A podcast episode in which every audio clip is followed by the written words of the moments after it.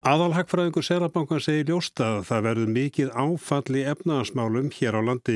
Aðgerir Selabankan sem kynntar voru í dag með að því að milda þetta áfall. Hann segir að miða við þróuna í Kína með íbúast við að hér verði stórt högga á þjóðarbúið á fyrirluta ársins. Peningaðanstelmi nefndi Selabankans ákvað öðru sinna á stöttum tíma að læka stýrivextu um halvt prosentustig. Þeir eru nú komni niður í 1,75%. Þá ákvað fjármálarstöðuleika nefnd bankans að aflétta 2% kröfu um sveiblu í öfnunar auka fjármálafyrirtækja sem verður 0%. Sveiblujöfnunaraukin verður óbreyttur næstu tvö ár. Það þýr að í böngunum skapast aukið svigurum til nýra útlána sem nefnir 350 miljörðum eða um 12,5% af lánasafni bankana. En hvaða áhrif geta þessar ákvarðanir haft? Þóraringi Pétursson, aðal hagfræðingur Selabankans, segir ljóst að það verði mikið áfall eða það sé að verða mikið áfall í efnagasmálum og það sem þessar aðgeri gera er að hjálpa til við að milda áfallið. Það mun ekki gera það verkum að það verði ekki hér erfiðleikar en það mun milda áfallið, hjálpa þá heimilum og fyrirtækjum e, í gegnum þetta tímabutna ástand. Lækum vaksta gera það verkum að það er til dæmis heimil og fyrirtæki sem er með breytilega vexti. Það verður þá eðvöldar að standa undir greiðslupyrðin á þessum lánum Það verður auðvitað að fjár, endur fjármagna lán og ef einhverjir er að fara að taka nýlán að þá verður þau að þá hagstaðir í kjörum heldur en ella. Það að læka síðan sveiflujöfnunar aukan sem er þá krafa um eigi fyrir banka sem þurfur að leggja til hliðar. Það að læka þessa kröfu gerða verkum að þeir eru þá meiri fyrir til þess að hjálpa heimilum og fyrirtækjum í útlánum. Þannig að allar þess að það gerir, er þá til að stöla því að milda áfallið, gera fjármagnit ódýrar og gera auðvöldara fyrir heimilu fyrirtækja að ná í þá þá fjármagnu sem þau þurfa. Það kom ítrekka fram á fundi Selabankars að mikil óvisa ríkir í efnaðarsmálum og erfitt sé að spá um framaldið.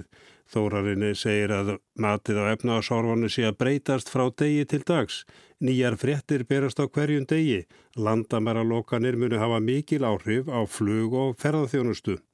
Síðan er náttúrulega bara innlendu áhrifin töluverð það að fólk sitt í heima eða er sér í einangrun eða, eða það er samkominnbann gera það verkum að það er ímis e, þjónusta sem fólk hefur verið að kaupa sem gera ekki lengur og það hefur áhrif á þau fyrirtæki sem er að veita þá þjónustu sem hefur síðan áhrif á þá fólk sem er að vinna þar og, og svo framvegis. Þannig að, að efnaðashorfunir er að breytast mjög mikið vantala og til hins verra hvað mikið er hins vegar mjög óvist og það getur breyst, matið á því getur breyst degi til dags en, en það er allt útlitt fyrir að það hér verði efnaðan samdráttur í ár en ekki svona sæmilegur hagveistur eins og var áður talið. E, þið tala um það að þetta breytist dag frá degi, það er visslega rétt. Ef þú setur því í svámastöðuna núna að þú veist ímsa stærðir að hversu slemt er ástandi nú þegar? Það er alveg just að fyrsti eða restina fyrsta ásfjörðingi og svo annar ásfjörðingur verður mjög slæm. Við höfum eins og það er ekki mjög mikið að fyrstum tölun til að byggja á en við sjáum þó reyndar til dæmis þróun í Kína sem er aðeins og undan okkur í þessari e, þróun að þar hefur byrst tölu sem benda til mjög mikið samdráttar í, í kjölfara þessari hérna, e, dreifing og veirunni og síðan e, þessari, þessari lókun á svæðum sem að þar Eh, var hérna sett, sett á. Þannig að með við það að þá með við alveg vona að hér verði mjög stort högg á þjóðbúðið á, á fyrirluta ásins. Sem kemur þá fram í talsverðu atunleysi, tímabundið og reyðlega bara erfileikum og jafnvel gjaldþrótum. Það getur gert það og það er það sem að það er þá efnahastjórnin er að hlutverk hennar er að reyna að draga eins mikið úr því og hægt er en, en auðvitað verður ekki komið vekk fyrir það að aðlunleys aukist og fyrirtæki e, hætta starfsumi en það er að reyna að minga það eins og hættir. Þetta var Þóraringi Pétursson, Ástís Kristjándóttir, fástuðumar efnaðsvis samtaka aðlunleysins, kontur sæl. Já, sæl.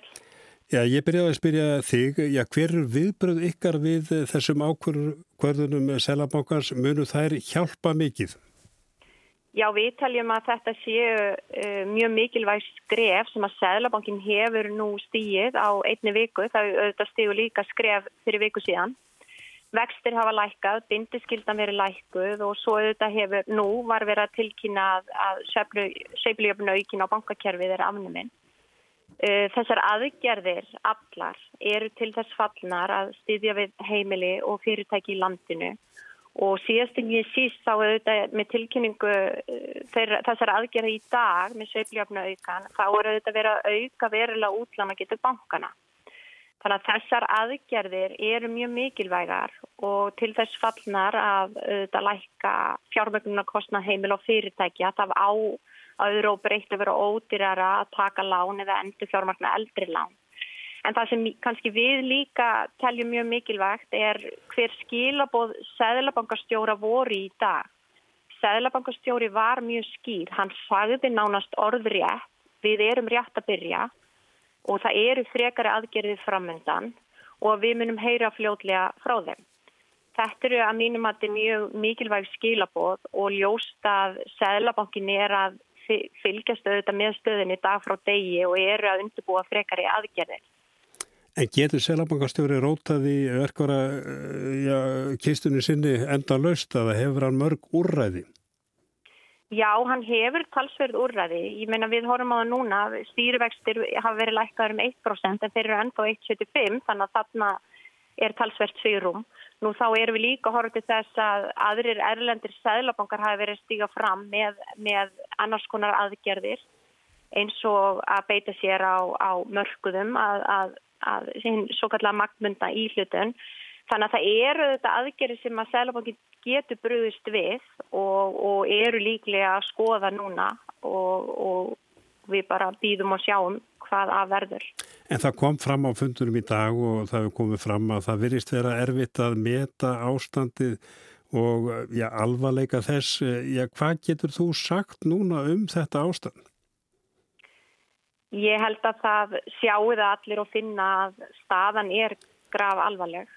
Um, það er mikill samdráttur uh, í, í kerfunni að aðunlíði er að finna fyrir verulegum samdrætti og eins og Sælabanki kom inn á í dag þá verður líklega samdráttur í ár. Um, en það er nánast ómögulegt að koma með einhverja sviðsmyndi núna. Það er breytast í raun dag frá degi. En hins vegar er mikilvægt að hafa í huga að þetta er tímabundið áfall. Þetta er tímabundin skellur sem atvinnlífið er að upplifa um þessa myndir og aðgerðir Sæðlabankans og stjórnvalda miðastöðut af því núna að lámarka áhrifin eins mikið og hægt er.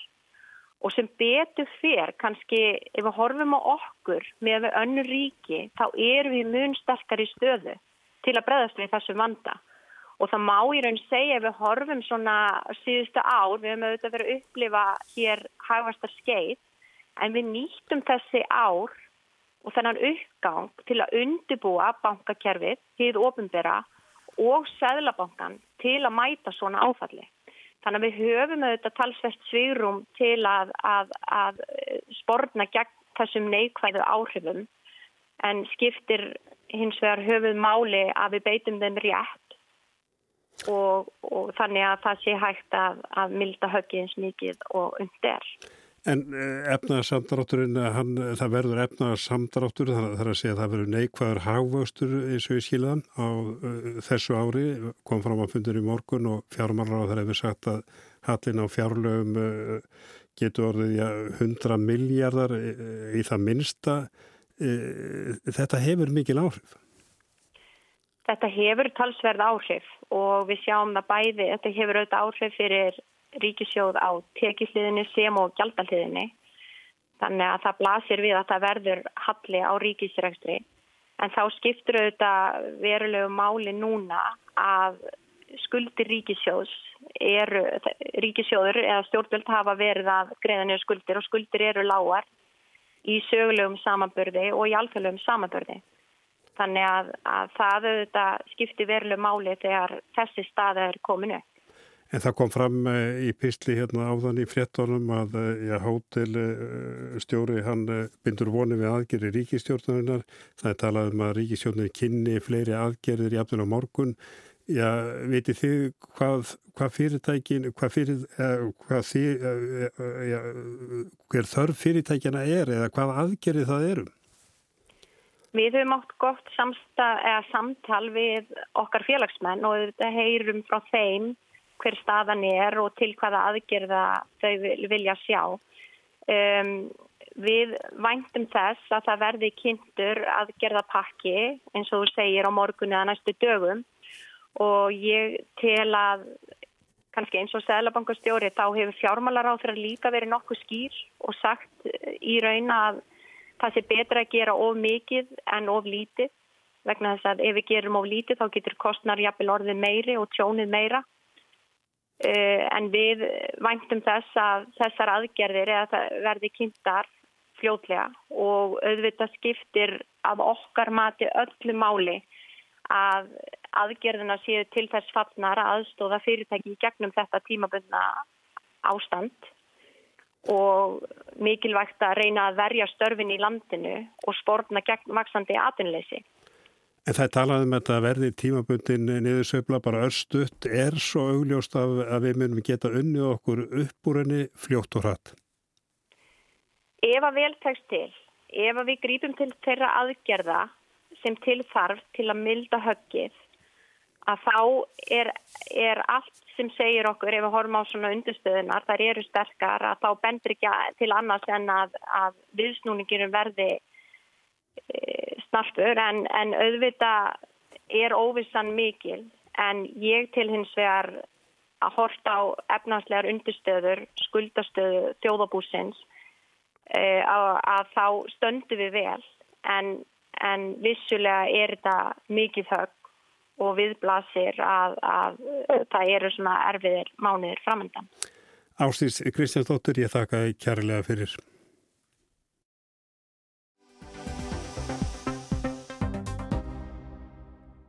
Sagan kennur okkur að það er auðvelt að loka landamörum en það getur verið þrautinn þingri að opna þau aftur síðar. Þetta segir stjórnmálaprofessor COVID-19 sé nattræn vá sem krefjist nattrætnar samvinnum en viðbröð margra ríkja litist af þjóðurnis kent.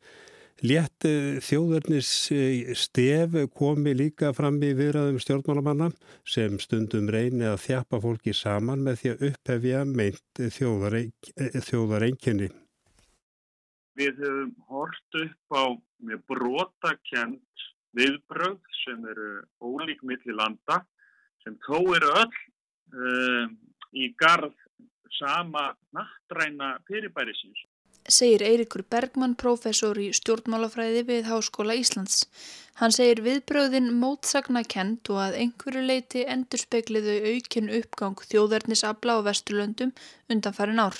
Slík öll velji að taka á málunum heima fyrir með einhliða aðgerðum vissulega höfum við séð uh, tölvert mikið af uh, slíku. Það sjáum við núna í lokun landamæra þar sem að ríkir að skella hörðinni í andliti hvert á öðru fremur heldur en að ráðast sameilar að gera. Eirikur segir að fyrir nokkrum vikum hefði verið óhugsandi að Noregur, Danmörk, Svíþjóð og fleiri Evrópuríkir lokuðu landamærum sínum. Hvað þá að Evrópusambandið lokaði ytri landamærunum? Þessi krísa og opinberar auðvita það að uh, Evrópusambandið er frist og fremst ríkja bandalega sem að ríkin ráða för hvert fyrir sig. Evrópusambandið sé langt frá því að vera einhvers konar sambandsríki og get ekki brúðist við eins og sjálfstætt ríki gerir. Það sé enn tiltölulega laus beistlað ríkjabandalag.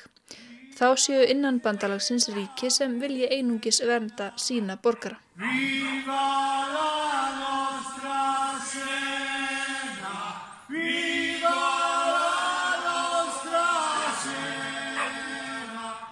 Á Ítalju syngur fólk ættjarðarlög af sölunum. Hér hveður líka stundum við svolítinn þjóðernistón hjá stjórnvöldum og fólki í framlínunni. Það hefur verið talað um ímislegt sem einkennir íslensku þjóðina að við séum skinsum og góði að skapa stemmingu á erfiðum tímum. Þá hefur verið talað um að stjórnvöld hér fari íslensku leiðina, láti ólíkt sumum öðrum ríkjum ekki pólitíkin að ráða, heldur hlusti á okkar færustu vísindamenn. Eiríkur segir svona orðræðu algenga á krísutímum. Við höfum séð þessa orðræðu uh, sko ganga með látt núna á Ítalíu um, uh, sem sé drautsegju Ítala undir áþjá.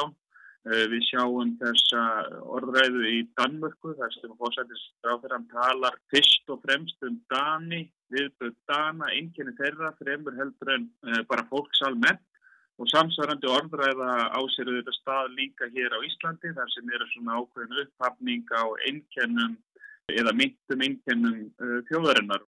Þessi orðræða getur að hans sök verið hjálpleg, huggað og þjappað fólki saman.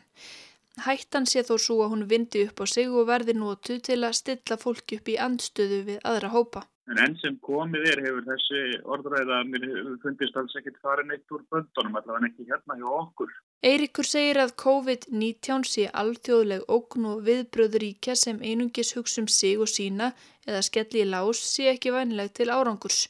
Þjóðarnislega viðbröðuríkja hafi þegar haft neikvæð áhrif í baráttunni við veiruna. Við sjáum til að mynda í bandaríkjanum að þá uh, höfnuðu stjórnvöld þar að nota uh, þau tæki sem að alþjóðastofnun helbreyðismála hú hafði framleitt og það virðist vera á svona þjóðurnislegum grunni að þeir vildu framlega sinn eigin uh, greiningartæki. En það tafði verulega þá vinnu að greina útbreyslu verunar uh, í bandaríkjanum. Hann nefnir líka viðbröð Vesturlanda við faraldrinum í upphafi. Þau hafi fyrst og fremst litið á hann sem kynverst eða asíst vandamál en ekki nattrænt. Eirikur segir að þrátt fyrir lokanir landamæra og fleiri inngripp sem ekki hafi endilega hjálpa til við að takast á við vandan, þá hafi ríkistjónir á Vesturlöndum á allra síðustu dögum farið að átta sig á því að vandin sé nattrætt og innanlands lausnir ekki nóg. G7 ríkin séu farin að tala meira saman og Evrópusambandsríki hafi að veikum mætti reynda samræma aðgerðir sambandsins. Alþjóða heilbriðismálastofnin hafi líka fengið auki vægi en fyrstum sinn hafi mörg ríki ætlað að hunsa leiðbynningar hennar úr því hafi dreyið. Loks hafi ríki tekið sér saman um að hraða rannsóknum á bóluefni og meðferði sjúkdómnum. En allt er þetta veikburða tilburðir og það hefur uh, sér tafið málið verulega hvað svona þjóðernislegar lausnir hafa verið mikið eh, upp á pallborðinu undan farin ár en hefur alþjóðlega viðbræðið er samt sem áður líka núna að veikast. Hvað varðar Evrópusambandið segir Eirikur reynsluna af áföllum vera þá að í upphafi sé hver sjálfum sér næstur. Samtakamátturinn aukir svo mjög hrætt aftur þegar krísu ástandinu linnir.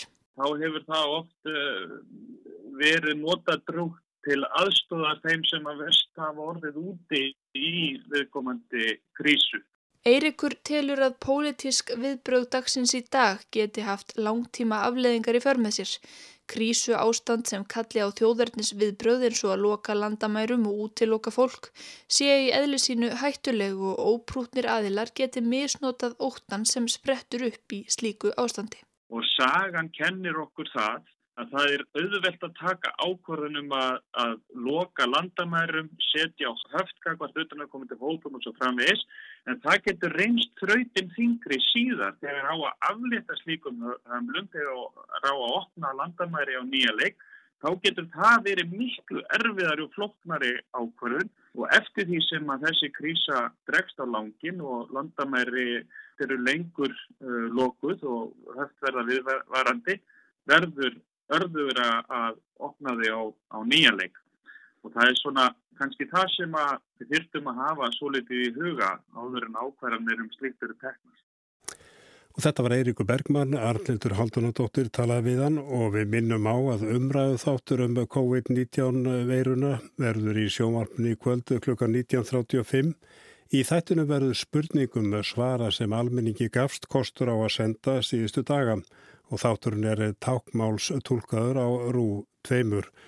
Og það allra helsta sem var í speiklunum var að það er að hlutvarslega mörg sín eru tekið hér á landi til að skima fyrir COVID-19 gæti útskýrt eitt halsveða fjölgun skrára smitt á Íslandi. 250 manns hafa nú greinst með veiruna og fimm af sjö hótelum sendir hótel að verða lokað á næstu dögum. Frankvandastjóri segist binda vonir við aðgerði stjórnvalda. En það er ekki fleira í speiklunum. Tæknumari kvöld var Jón Þór Helgarsson verið sæl.